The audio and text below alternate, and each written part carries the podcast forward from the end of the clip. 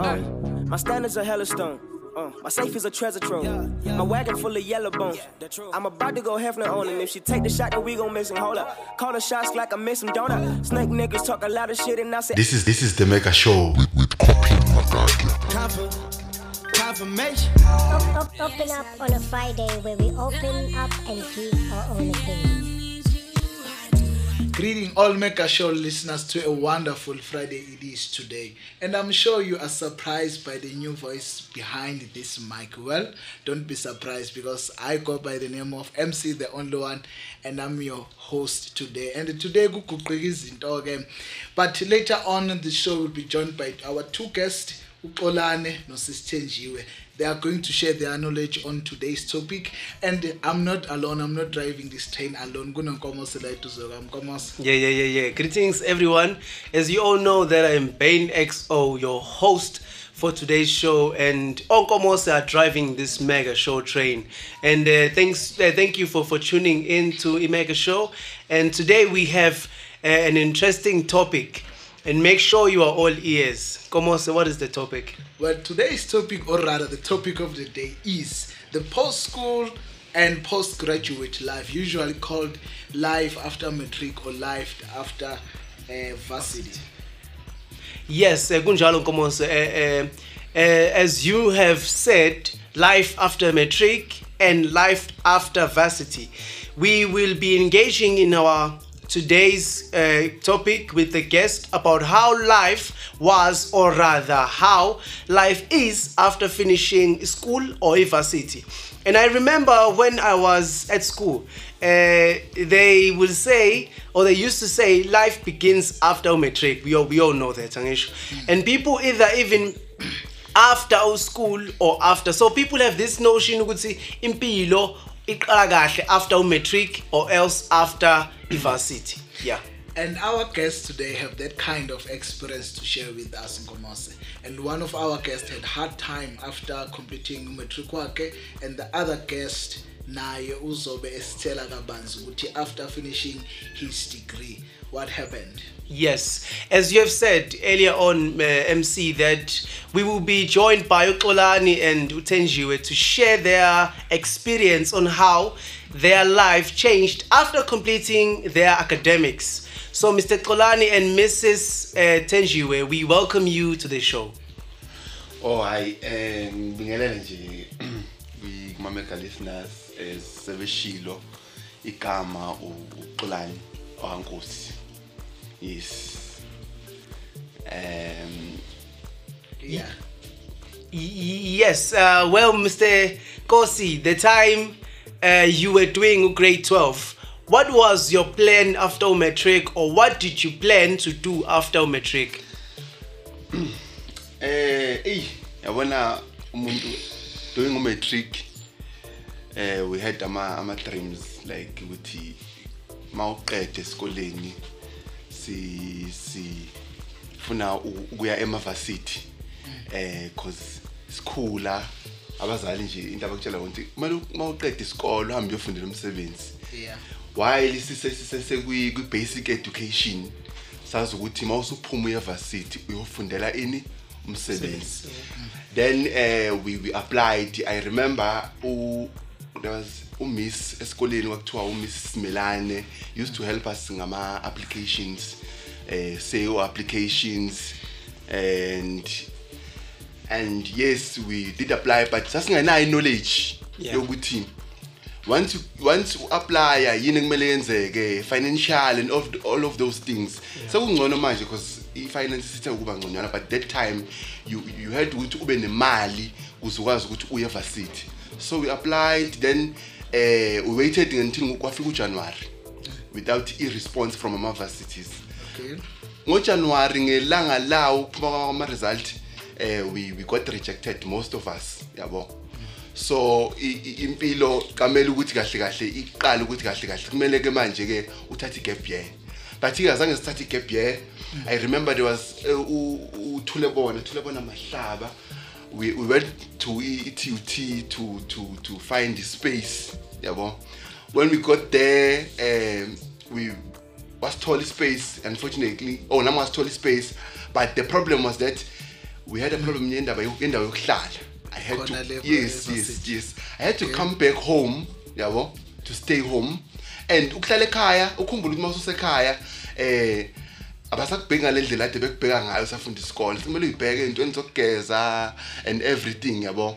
So ngikhumbula kahle we went i-job hunt we went for i-job hunting. Yeah. sahamba saye e-isco e-isco mawulawo isco sekudeni ngale ndlela le but sawalka sishona khona sihamba sibathathu yabo?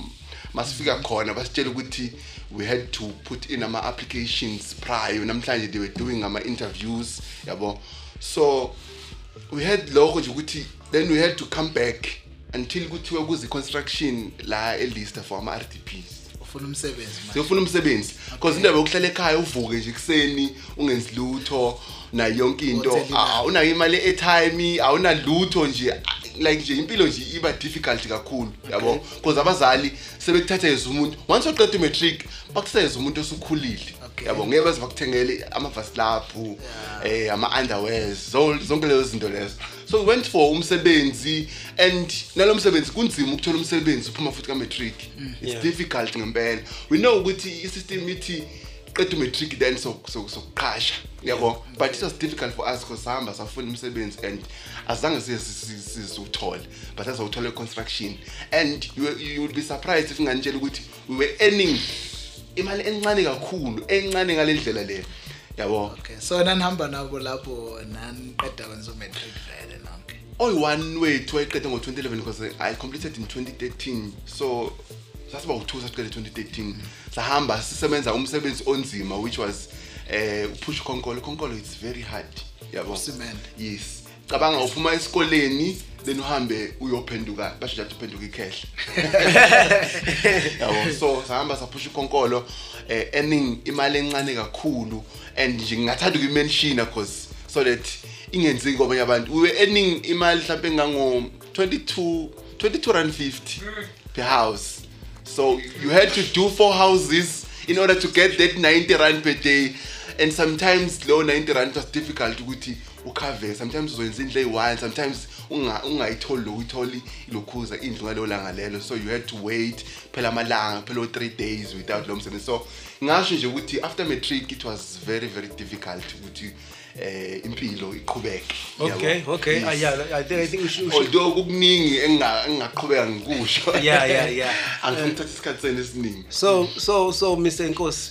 So, life. Uh, did life be, began after matric for you? yeah impilo ngingasho ukuthi yaqala after matric kakhulu because ka-matric sasivalelekile kakhulu because sasazi ukuthi uma ngiphuma la ngiye-varsity but we had to, to grow up and sihambe siyofuna imisebenzi yabo? Nasekhaya sebebhekile manje ukuthi uqedile esikoleni yabo? Awukwazi ukuhlala la ekhaya yabo? So lokhu kuncane sesithola because ngimenshile sasithola boma 22 rand per, per house yabo? So you had ukuthi lo muntu encane oyitholayo nasekhaya babheka ukuthi kumele ubuye nani? Ne-brypack so impilo ngasho ukuthi uyaqala uyakhula nawo umqondo awukhuli ngomzimba kuphela but nawo umqondo uyakhula yabo? So impilo ngasho ukuthi iyaqala Iyaqala. lapho khona bona khona ukuthi okay lo kade ngikuplane e-high school yabo? Angeke kuze kube i- i- i- possible yabo? I had to find another way okuzoba yiyona engizokwazi ukuthi ngenze njani ke ngiphile ngapha Phande ngayo. yabo? Because wasitshela umuntu ukuthi since i cannot go to varsity because ivarsity ifuna 5000 for ukuregister. registration. and ukhumbule ukuthi iqhamuka e- emndenini ongenayo leyo mali leyo yeah, yabo? yeah. E- ekhaya nje makukhuluma nje nge-1000 leyo 1000 liningabi kubona so uma usukhuluma ngo-5000 usu- usukhuluma ngenye into. So kwakumele ukuthi umuntu athi okay ngiyayishiya impilo yevarsity i have to go and work. Yabo? Because mina ngo-2014 i decided okay fine since kungenzeki indaba yevarsity ngiyayiyeka let me work. Yabo? Yes. So ngasho impilo yaqala lapho after matric. Yeah, it did absolutely. Well, life after matric is the topic for the day, and we are going to go to our next guest,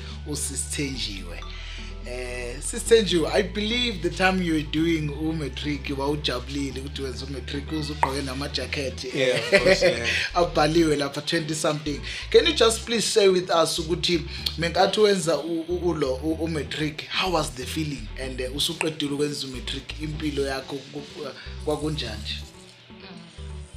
Okay, igama lami nginguthenjiwe ngisithanda unibingelela mega show listeners. Ey, impilo ke ngisenza matric ngawenza 2016. okay. Ey kwakumnandi yazi. Ngibona nje ukuthi sengizophuma yeah. like ngihambe ngiyobona iy'ndawo. Yabo kube mnandi. Okay siyafunda kuba ney'nkinga yonke leyo nto leyo sazama-ke saphasa. But then eyi sathi sesiqedile sesi-aplayile tholakala ukuthi hhayi as- asitholi-ke iy'bhesi yeah. Okay sarelaxa vele nyaka wokuqala wonke umuntu vele uthi ayi nyaka wokuqala ngiyahlala-ke vele uma sirelaxa siyarelaxa nje singacabanga ukuthi okay athi ngiyothola umsebenzi nani nani. Asicabangi lokho ya because bekukuningi esikoleni. So unyaka olandelayo 2018 ya ngazama ngawofuna isikole. Oh nga-aplya 2017 futhi ngihleli. Ngazama ngawofuna isikole futhi ngaye ethekwini. Okay. Ya. Imali-ke lapho yo. Hey yamoshela kanyiwe okay ngahamba ngayethekwini ngawufuna isikole. Amavasithi ngangawathola i-college ngangathola. Ngase ngathola kokuphuma ama-learnership yini? Ngisakhumbuli kahle ukuthi kwakuyini. Ngahamba ngayobhala.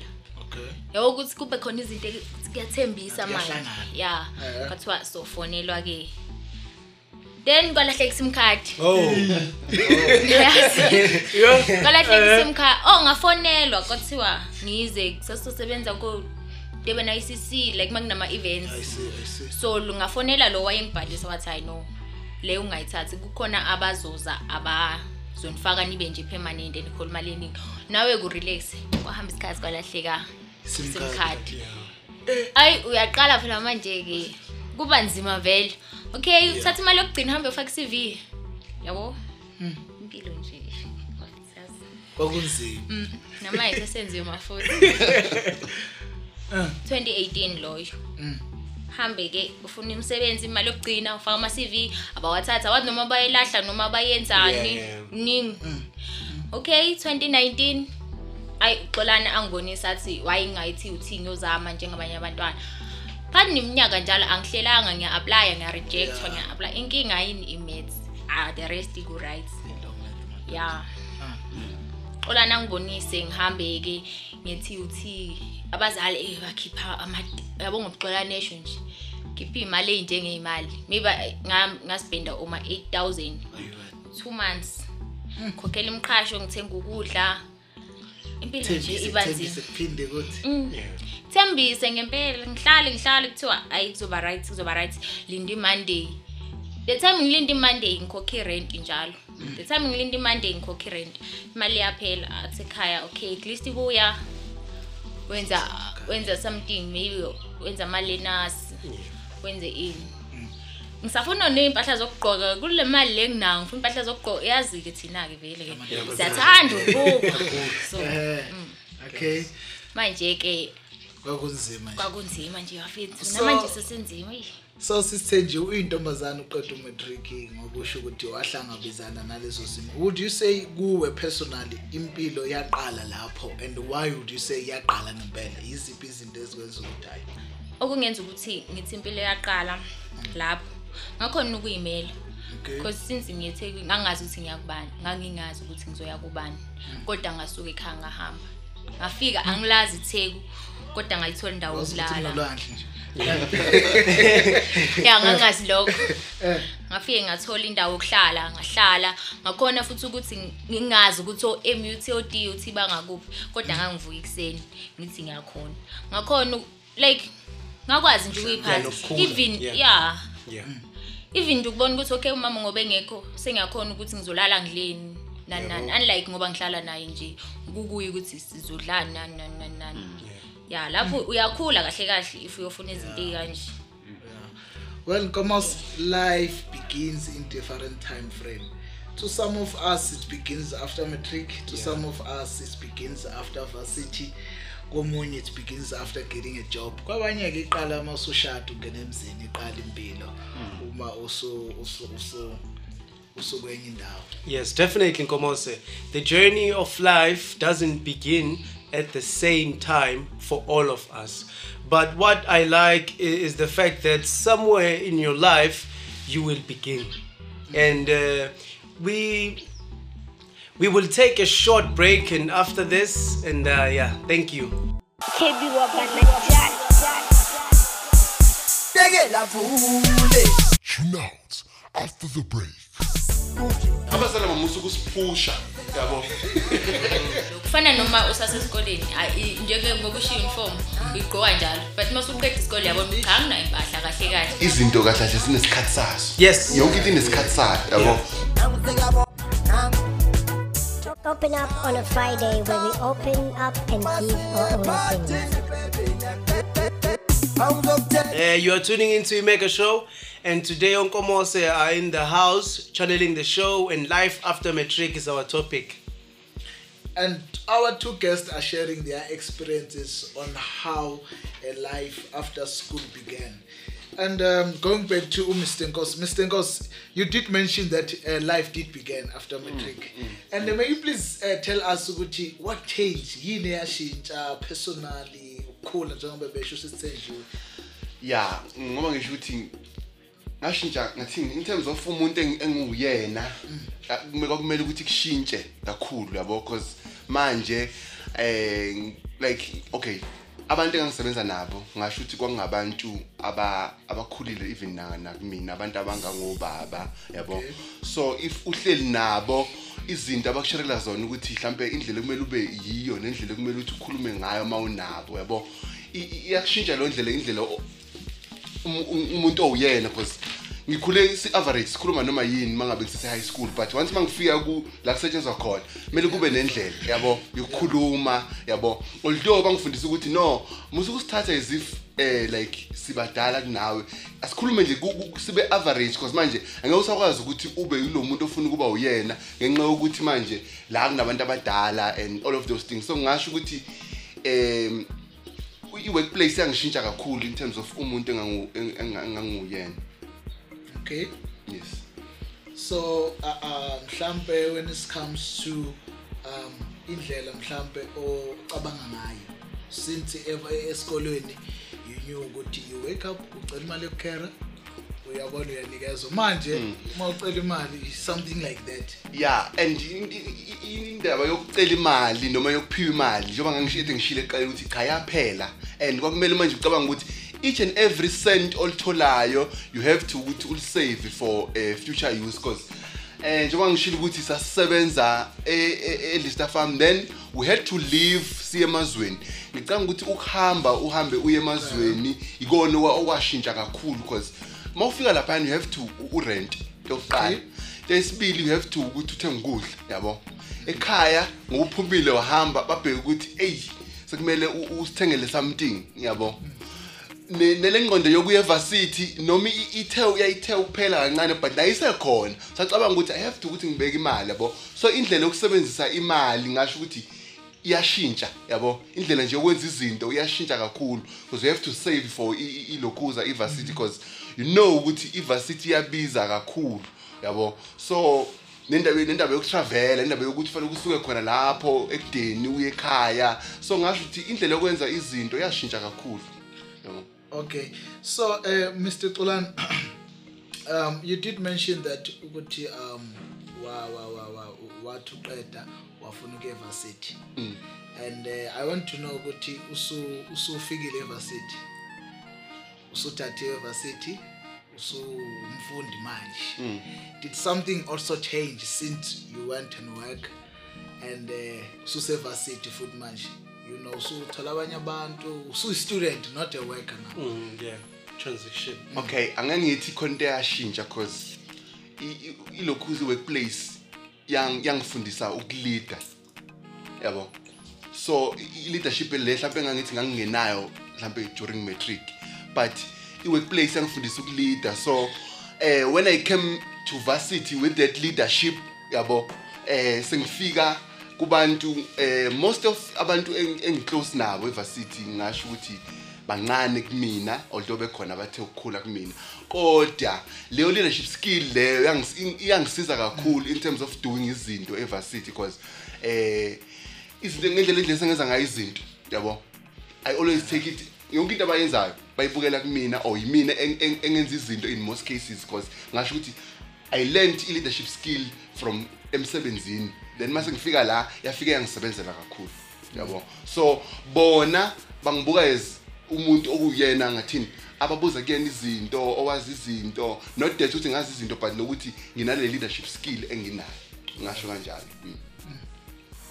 yes um uh, it's so interesting into abayishilo namhlanje ama-guest ethu omabili and u-miss Tenjiwe and uh, mr uh, nkosi. Uh, about how their life actually changed after umatric and into ebengiyizwa kakhulu ukuthi kuningi okuzokwenzeka if usuqedile umatric wakho. A- as much as bangaba nama-experience ahlukele bo- bona bobabili omunye akhulume ngokunye omunye akhulume but the, the initial fact ukuthi impilo kahle kahle iqala after umatric you understand? That's where you experience ezinye izinto. And futhi during all these experiences ilapho ozokhula khona njengomuntu. Uzazi ukuthi ubani yonke into leyo. Yeah. so uh, do, you, do, you- do you think that um, uh, there has there has to be change after completing a matric and why do you think like there has to be ushintsho after uqeda matric or and, and why ya ngicabanga ukuthi kumele lube khona. Yeah. Okay why ngisho njalo? Ngathini okay fanele vele libe khona. Yeah. Ya into nje eyimust. Bangabe usuqeda isikole kube khona ushintsho empilweni yakho. Indlela owenza ngayo izinto ngathini vele? Indlela ade wenza ngayo usase esikoleni Yeah. ungabe usuyenza futhi ngayo usuqedile. Kumele ukhule khombisa ukuthi usomdala ucabange ngenye indlela. Maybe ucabange ngendlela yokuba umzali Yeah. ungakabi uyena. Kuze makuthi kufika isikhathi sokuthi ube ye- uyena ubusuwazi ungalokho manje usasenengqondo yazi ingqondo yase-high school course, injani? ya. Ukhula ngalokho ubuwena nje. Ukhula ngakho ngalokho nanokuthi ukusebenzisa kwemali ayifani indlela. Esikoleni imali uthenga useless stuffs.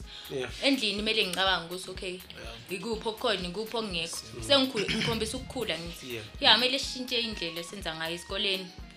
Futhi abangani basuke sebengekho-ke lapho. Futhi uniform usungasayigqoki. Yeah, yeah, yeah, ungasayigqoki akufani nalokho kufana noma usasesikoleni ayi, njenge ngoba ushiya uniform uyigqoka njalo. But uma usuqeda isikole yabona ukuthi cha anginayo impahla kahle. Kahle Ngikuphi? Uniform nje Ngiphansi ikusindisa. kwe-uniform. Eh, ilokho uniform izinto ikusiza. ugcina usushintsha kanjalo-ke. Kubalulekile ukushintsha ukhule nje. Indlela ade wenza ngayo i-high school ungenze ngayo. Ekhaya yeah Wow. Yeah, it's so interesting Hey, what what? you've Guess what? said- you've said. Well, just to add a question before our last question, I want to ask both our guests. Um, Olana, how long did you stay ungayi ever city uh, after uqeda matric wakho? it was three years It was three years. yes yes three whole years yes I- i- i-diploma. yeah diploma there diploma manje ngenza phd yeah yeah by now yeah Mr. Kos, I, want us to give maybe two or one weight that can define low three years uhleli ekhaya noma usebenza. Which weight can you give? One weight or two weight? uh challenges Challenges. yeah it's, it's a challenge kakhulu Why? Why? Why? it's a challenge? challenge kakhulu because mina ngokwami ukuthi njengoba ushilo eh MC ux- oh magubane. Yeah. Xolisa So, ukuthi so, so, yeah. Magubane ukuthi eh, isukela into ibe personal Yeah, of kakhulu. course, yeah. yeah because ubukuthi ngasho ukuthi it's a challenge because nokuthini ngathini impilo ngathini kuphatheka kabi kakhulu yabo. Then ngasho ukuthi into eyenza lokho because mina i went to i think it was 2015 where i i ngathini noma ngibeka nje ngingayibeki ngale ndlela le angibeki ngale ndlela. Kunabantu abaningi esengibathathile yabo? Due to experience yami yabo? Ama challenges ami yabo? Ngabasengabenza njani? Ngabasevasithi yabo? I remember 2015 i went there. Nami was part of that group yabo? Then masifika phambili we had some challenges sonke. Which i saw ukuthi hayi ngathi kuzolunga but ngoba sonke sinama challenges not mina ngedwa esengifika okwesibili kule ndawo Yeah. yabo? But ngikhuluma ngathi indaba za-NSFAS zaziyi-problem we had to apply esikoleni phakathi. Sahamba lawo malayini sivuka ekuseni cabanga uzovuka endaweni ongayazi ngo-four ekuseni and walk almost six to seven kilometers Yeah. yabo? Ekuseni awuyilazi le lokishi yabo? But you have to walk because uma ufika laphana ufica abantwana belele khona. Yabo. It's a challenge ngempela. Bafika lapho kumele balale khona.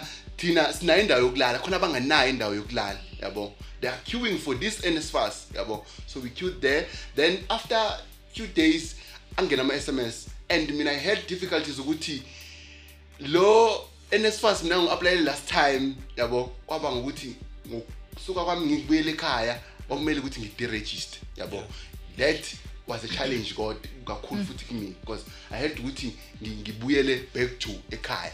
For the second time remember it was 2014 Yeah. ngaya khona ngabuya. 2015 also labantu engihambe nabo yonke into zabo ziyalunga yabo? Indawo Wena yokuhlala ubuya, uyabuya. everything ilungiswe ubani ilungiswe yimina everything. Guardian angel.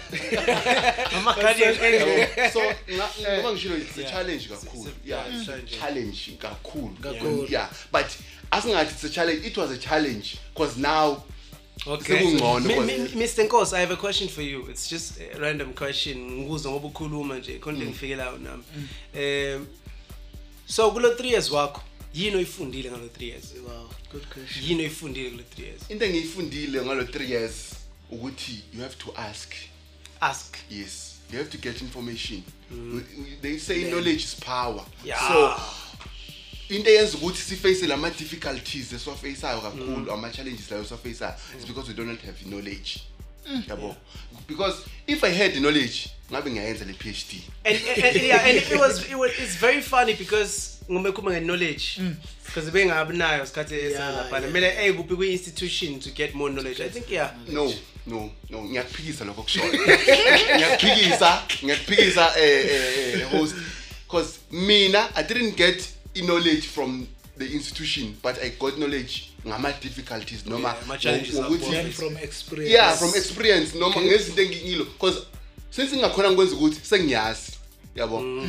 I took iva ukuthi umuntu olandela ngemuva kimi oclose kumina won't find leyo difficulty leyo if mina Yeah. ngikhona eduzane yabo? So esithe nje shilo ukuthi ngangengasiza lapho nalapho yabo? Ngiyazama ngayo yonke indlela.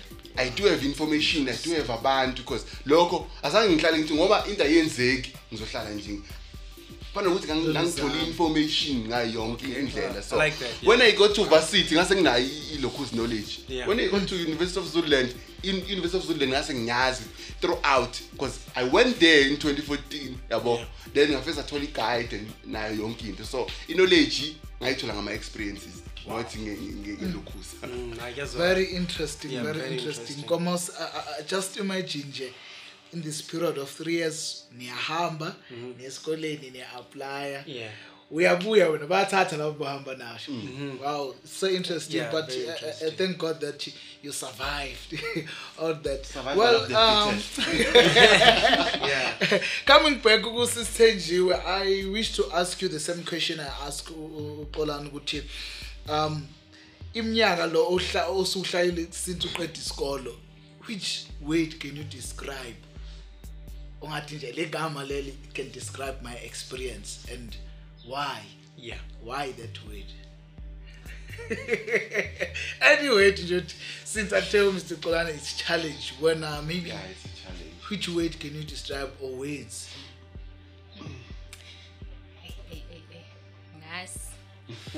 Angazi, that's the word. Yeah, that's the word. Angazi. oh that's the weight angazi ngasho ku-difficulty noma bethi ku-hectic ya Yeah, hectic. hayi-ke bakhuluma but ngathi impilo lapho. ihectic kodwa-ke manje-ke a- akusafani since Yeah. kukhona engiba busy ngakho and kuyathembisa akusafani nje njenga l- le minyaka ewu-three le engihlalile nami kuyaphusheka nje. Kodwa ayichabe kunzima kakhulu futhi. Hey hectic and challenge. Yeah, hectic, hectic and challenge. yeah those are the weights But but I couldn't ngisho eh, eh, host yami. As much as iminyaka le ehlaliwe inkinga vele as much as you can say it's a challenge and all that stuff why singayibuki as a blessing? Why singayibuki as a sacrifice? Njengoba usho Xolani, you were sacrificing yourself for others? So that you can get more information so uzosiza nabanye abaqhamuka ngemuva. Yabo as much as singayibuka as something which was bad because vele lokho okufisa zange kwenzeka but why singayibuki as a blessing in disguise? Why singayibuki as a sacrifice? You understand? Ukhumbule he sacrificed indodana yakhe yokugcina. Imagine wena ufika kusacrifice three years wakho. Yabo leyo nto leyo? So i'm just saying look i'm, I'm not opening a debate mr nkosi. I'm just saying because i feel like mesiyibuke as a blessing somehow. Angifuni ukuthi ngithi ngiya- ngiya- ngiyakuphikisa Yeah. because sengise- ngingakusho lokho. Engizokusho ukuthi mxolisi um izinto kahle kahle sinesikhathi sazo Yes. yonke into inesikhathi sayo yabo? So i really think ukuthi kahle kahle lo muntu nomuntu unendlela yakhe. Yabo kumele abe- abekelwe yona. I-destiny, Ngicabanga sibiza ukuthi ma- nge-destiny, yeah. ma- ma u- MC ngangifakazela in terms of religion ukuthi eh mhlawumbe kukhona lokho ukuthi cha umuntu nomuntu unendlela yakhe abekelwe yona. Mawuzala uzalwa kahle kahle no- nokuthi wena uzokhula iya ijeni yakho yabo. I think ukuthi eyami ijeni shuthi kahle kahle yabo ngoba usho ukuthi it was a blessing Yeah. Futhi eyami ijeni kahle kahle bekumele iqale kahle kahle ngo- ngeke ngithi 2017 because ngeke ngithi uqale lapho ngasho ukuthi 2016 Yeah. yabo because 2016 ila emsebenzini engathi ukunyuka kancane Ngisho yabo. because kube ngathi It's a ukuhlala blessing. kube ngathi ukuhlala ngangayivasithi maybe ngabe mhlawumbe ngihamba ngemoto nami manje yomsebenzi or something yabo so ngasho ukuthi ya umuntu nomuntu unejeni yakhe so mina shuthi i had to start ngokuthi ngiye ngithi ukuhamba ngibona iy'ndawo kancane ngifunda abantu abahlukahlukene yabo?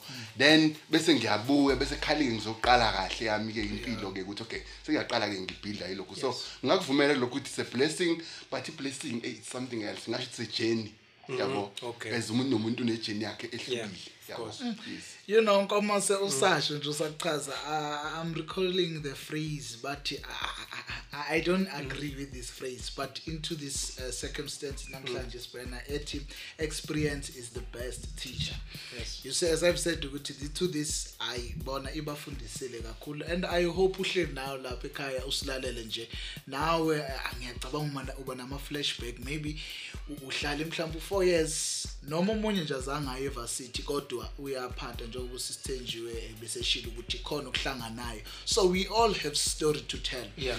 and uh, to ask our last question to our guest uh, sisithenjiwe what message can you pass kumuntu owenza ugrade 12 manje? Njengamanje wenza ugrade 12 Yeah. eh eh, eh oh naye uthi sengiyasiqeda isikole. Iziphi mhlawumbe izinto ongamtshela zona? Engingamtshela khona ukuthi if next year akuhlangani akusikho kuphela komhlaba lokho. Yeah. Okungenzeka ukuthi kunamanye ama-plans ezuxola nesho ukuthi umuntu nomuntu uhambela i- indlela yakhe nani nani ehe. Okungenzeka ukuthi uzowuhlala u-2021 ungahlangani yonke into nje even uthi uzama amalenasi uzama ini ungahlangani. Akusikho kuphela komhlaba 2022 futhi kanjalo kanjalo. Ekugcineni kwakho konke kuzogcina kuhlanganile. Maybe indlela okufunda ngayo impilo lapho usuba usuqala uba successful ke usuke usuwazi ukuthi ngadlula kuphi. And umuntu oba successful eqale waxakeka. Yeah usually most successful people they went through hardship. Yeah. Well uh Mr Nkosi uqeda umatric wahlala 3 years. Wasebenza noba no baba yes. no baba bemizi bemizi U- u- u- Mr Iy'mpahla. Nkosi uqeda idiploma ehleli ekhaya Yeah. sebenza Waqeda Production futhi- management. u- wayokwenza enye degree Enye degree, wow, that's- that's too much, yeah. eh, eh, eh, Mr Xolani to a learner who's doing grade 12 what is uh, uh, the message you can pass engingakusho nje ukuthi ngiyazi ukuthi okay ku- ku- ku- manje nazi safunda umatric njengamanje engifisa ukusho ukubona ukuthi ngiyazi ukuthi system yasemzansi kubekela ukuthi go to varsity yabo? But ziningi iy'ndlela yabo? Then beat yourself if ungayanga evarsity it's not about ivarsity. Seke saba ne-show khona khona la ekhaya ekhuluma ngokuthi i-system i-broken because isitshela ukuthi kumele siye esikoleni kuphela yabo? I think nathi if we had enye indlela mhlambe without thinking about ivarsity maybe mhlambe ngabe mhlambe ngikhona okunye sakwenza we started our own businesses. Yabo, yeah. yabo. But iba i-problem lento because the only way okwaziyo ukuya kuyona i- i- ivarsity elula because le business government ithatha isikhathi ukuthi ube funded Yeah. yabo. So ngasho ukuthi if uqeda isikole yabo you don't get to varsity. Akhona ama-college hambe ama-college uthole iskill. Mawuqeda ukuthola iskill ungalindi ukuthi uqashwe. Zi- ziqashe wena ngalawo ma skills ziqalele wena yakhe ibhizinisi yabo. Because makade use usevasi use college wenza plumbing qala ekhaya uplumbe ekhaya. Khombisa omakhelwane yes. Mawuthi wenza ugesi qala ekhaya utshubhe ekhaya. Babone ukuthi cha ngiyakwazi ukutshubha cha. Ngiyabona bayahleka Ang- ang- angichazi ukutshubha lokho kurobha ngisho ukutshubha ukutshubha basithi yajubha Ufaka ugesi ugesi, ya ufaka ugesi. Yeah. yeah. So yenza lokho yabo? Than if kukuvumela ukuthi uye varsity hambi evarsity yabo? If uthi ungathathwanga yabo? Hlala phansi. uyithole ukuthi kahle kahle ubani ufunani. nalento ukuthi ingane ziya apply zithi mayi apply apply ngoJune yabo? Awazi ukuthi ama result akho mawuqeda azokubeka azophuma thini uapplyela engineering le wenza yona physics le i-physics ongeke uzuze ukukhona ukuyiphasa yabo? So angazi ukuthi lento yenziwe kanjani yabo? It's best ukuthi sometimes if ungakhona kuyi-reach leyo nto musukuforced ukuthi ngoba ngisayitholanga le nto ade ngiyifuna let me go for anything. Sit down yabo? Le nto ngathi futhi ngathi ngafika kubazali yabo? Abazali bamusa ukusiphusha yabo? Abazali bamusa ukusiphusha athi hambe esikoleni nani ngiyazi basebesabela ukuthi once wasala wahlala la uzobhema enze yonke into manje intombazane izokhulelwa all of those things yabo Yeah. so ngathi abazali bangayizwa lento ukuthi cha awumdedele siwabuka ama-result akhe sewatholile sithi okay uthole i-diploma. Maningi ama-diploma courses. Then we, we apply again yabo. Abenze ezinye izinto ey'fana nalezishow thenjiwe izinto ey'fana nama-learners nani nani ama-training. And another thing ngiya-emphasize lokhu u-n y d a as e-youth uprovide ama-short courses for amabhizinisi I, I don't know if it's six weeks or or or three months or three or, or six months but you go there uh, uregister mawuqeda kuregister then they teach you about i-business after that you come back then you uze ne-business proposal then bayibuke then usho ukuthi usebenzela kuphi then they fund you ngama-phases so another thing if ungakhona nge-varsity hambe ka-NIDA thola ulwazi. Hambe uye ey'ndaweni ko-library nani nani uthole ulwazi ukuze ukwazi ukwenza njani ushintshe ilokhuzi impilo yakho. So for umuntu owenza umatric there are a lot of ways ukuthi ungaphila rather than going to Yes. yabo? Because nakho kuye-varsity sometimes it's a problem. Xolise nje ukusho lokho. Because you go to varsity there are some people abana abanama-degrees they have been sitting at home for over 10 years yabo? Mhlawumbe minimum futhi naloyo yabo? They are not getting are not getting umsebenzi Yeah. So kumele sithole indlela elula esizokwazi ukuthi senze njani uyiphilise ngayo yabo? And njengoba ngishilo knowledge is power. Buza buza. If uqala ufuna uqala ibhizinisi ungayi "Ey, ngizobe sengilahla ibhizinisi kodwa ukuregister ibhizinisi ucosta 225 rand. Yabo? 225 rand. Buza. Buza. You can register your, your business like very easy. Yabo? Le ndaba ukuthi uyoregister ibhizinisi ngo-1300 that's a scam. Yeah. People are scamming yeah scamming outside. because they do not know knowledge. Talking Yeah. from experience. Yabo. So there are a lot of ways. Yabo. Kunama-programs sengivala nje kune-program ebizwa ngokuthi kune-program ebizwa ngokuthi ine millennials. Ngiyazi akhona manje but as ngiyi-part of i-millennials uh, you can contact leyo leyo leyo organization. I think there are people abangakwazi bakunikeze i-knowledge e-right. Yabo. Yeah. ngayo yonke into oyifunayo. If ufuna ukuyofunda if ufuna ibhizinisi ungayithola i-knowledge leyo organization. Ungaya kuyona it's themillennials.org kufacebook ungabathola khona ubuze nje i-information. If wenza umatric even if you want to do ama-applications. Yes. ngikuvale lokho. Nabasebekhala ngokuthi ayi sengikhulume kakhulu. Yeah yeah yeah. Thank you thank you kakhulu eh Mr Nkosi. But i- ngicabanga ukuthi i-bottom line yami yethu namhlanje ukuthi eh knowledge is power. Yeah knowledge is power. Knowledge is power. And well said by our our guests. Mr Nkosi and uh, Ms Tenjiwe. And thank you very much for joining us today. We appreciate your visit. And Komose sishayile futhi lento thank you. Hayi, hayi cha uqinisile nkomosi sishayile sishayile eh le train ihambile impela indlela engasejozi yeah. Yazi yawo. Well uh, nathi sesiyaphuma-ke sesisemnyango siyaqoqa manje siyahamba. And uh, thank you very much um, for just tuning in into this wonderful show. And komos asivale sambe manje nathi. Oh okay. Eh sibonga kakhulu eh for abalaleli esinabo busy besilalela throughout through in eh ngiphinde futhi ngibonge nama guest akhona ukuthi afike namhlanje bakhuluma izinto ezi more personal kubo. Eh showing you ukuthi ayikho into engenzeki bafethu. Eh knowledge is power. Ayikho into engenzeki. You have to just put your time and your mind kuyo yonke into oyenzayo and make sure ukuthi eh ufunde futhi yabo? And uh, ngibonga kakhulu eh my name is Bain XO you are tuning into Imega show. Thank you. Well, uh, before Svalege, let me just remind you that we have a, a, a blog open up on friday.blogspot.com. We also have a Facebook page, uh, Mega Show by Koben Magagia, also a YouTube channel, Koben Magagia. And I am also a MC, the only one signing out.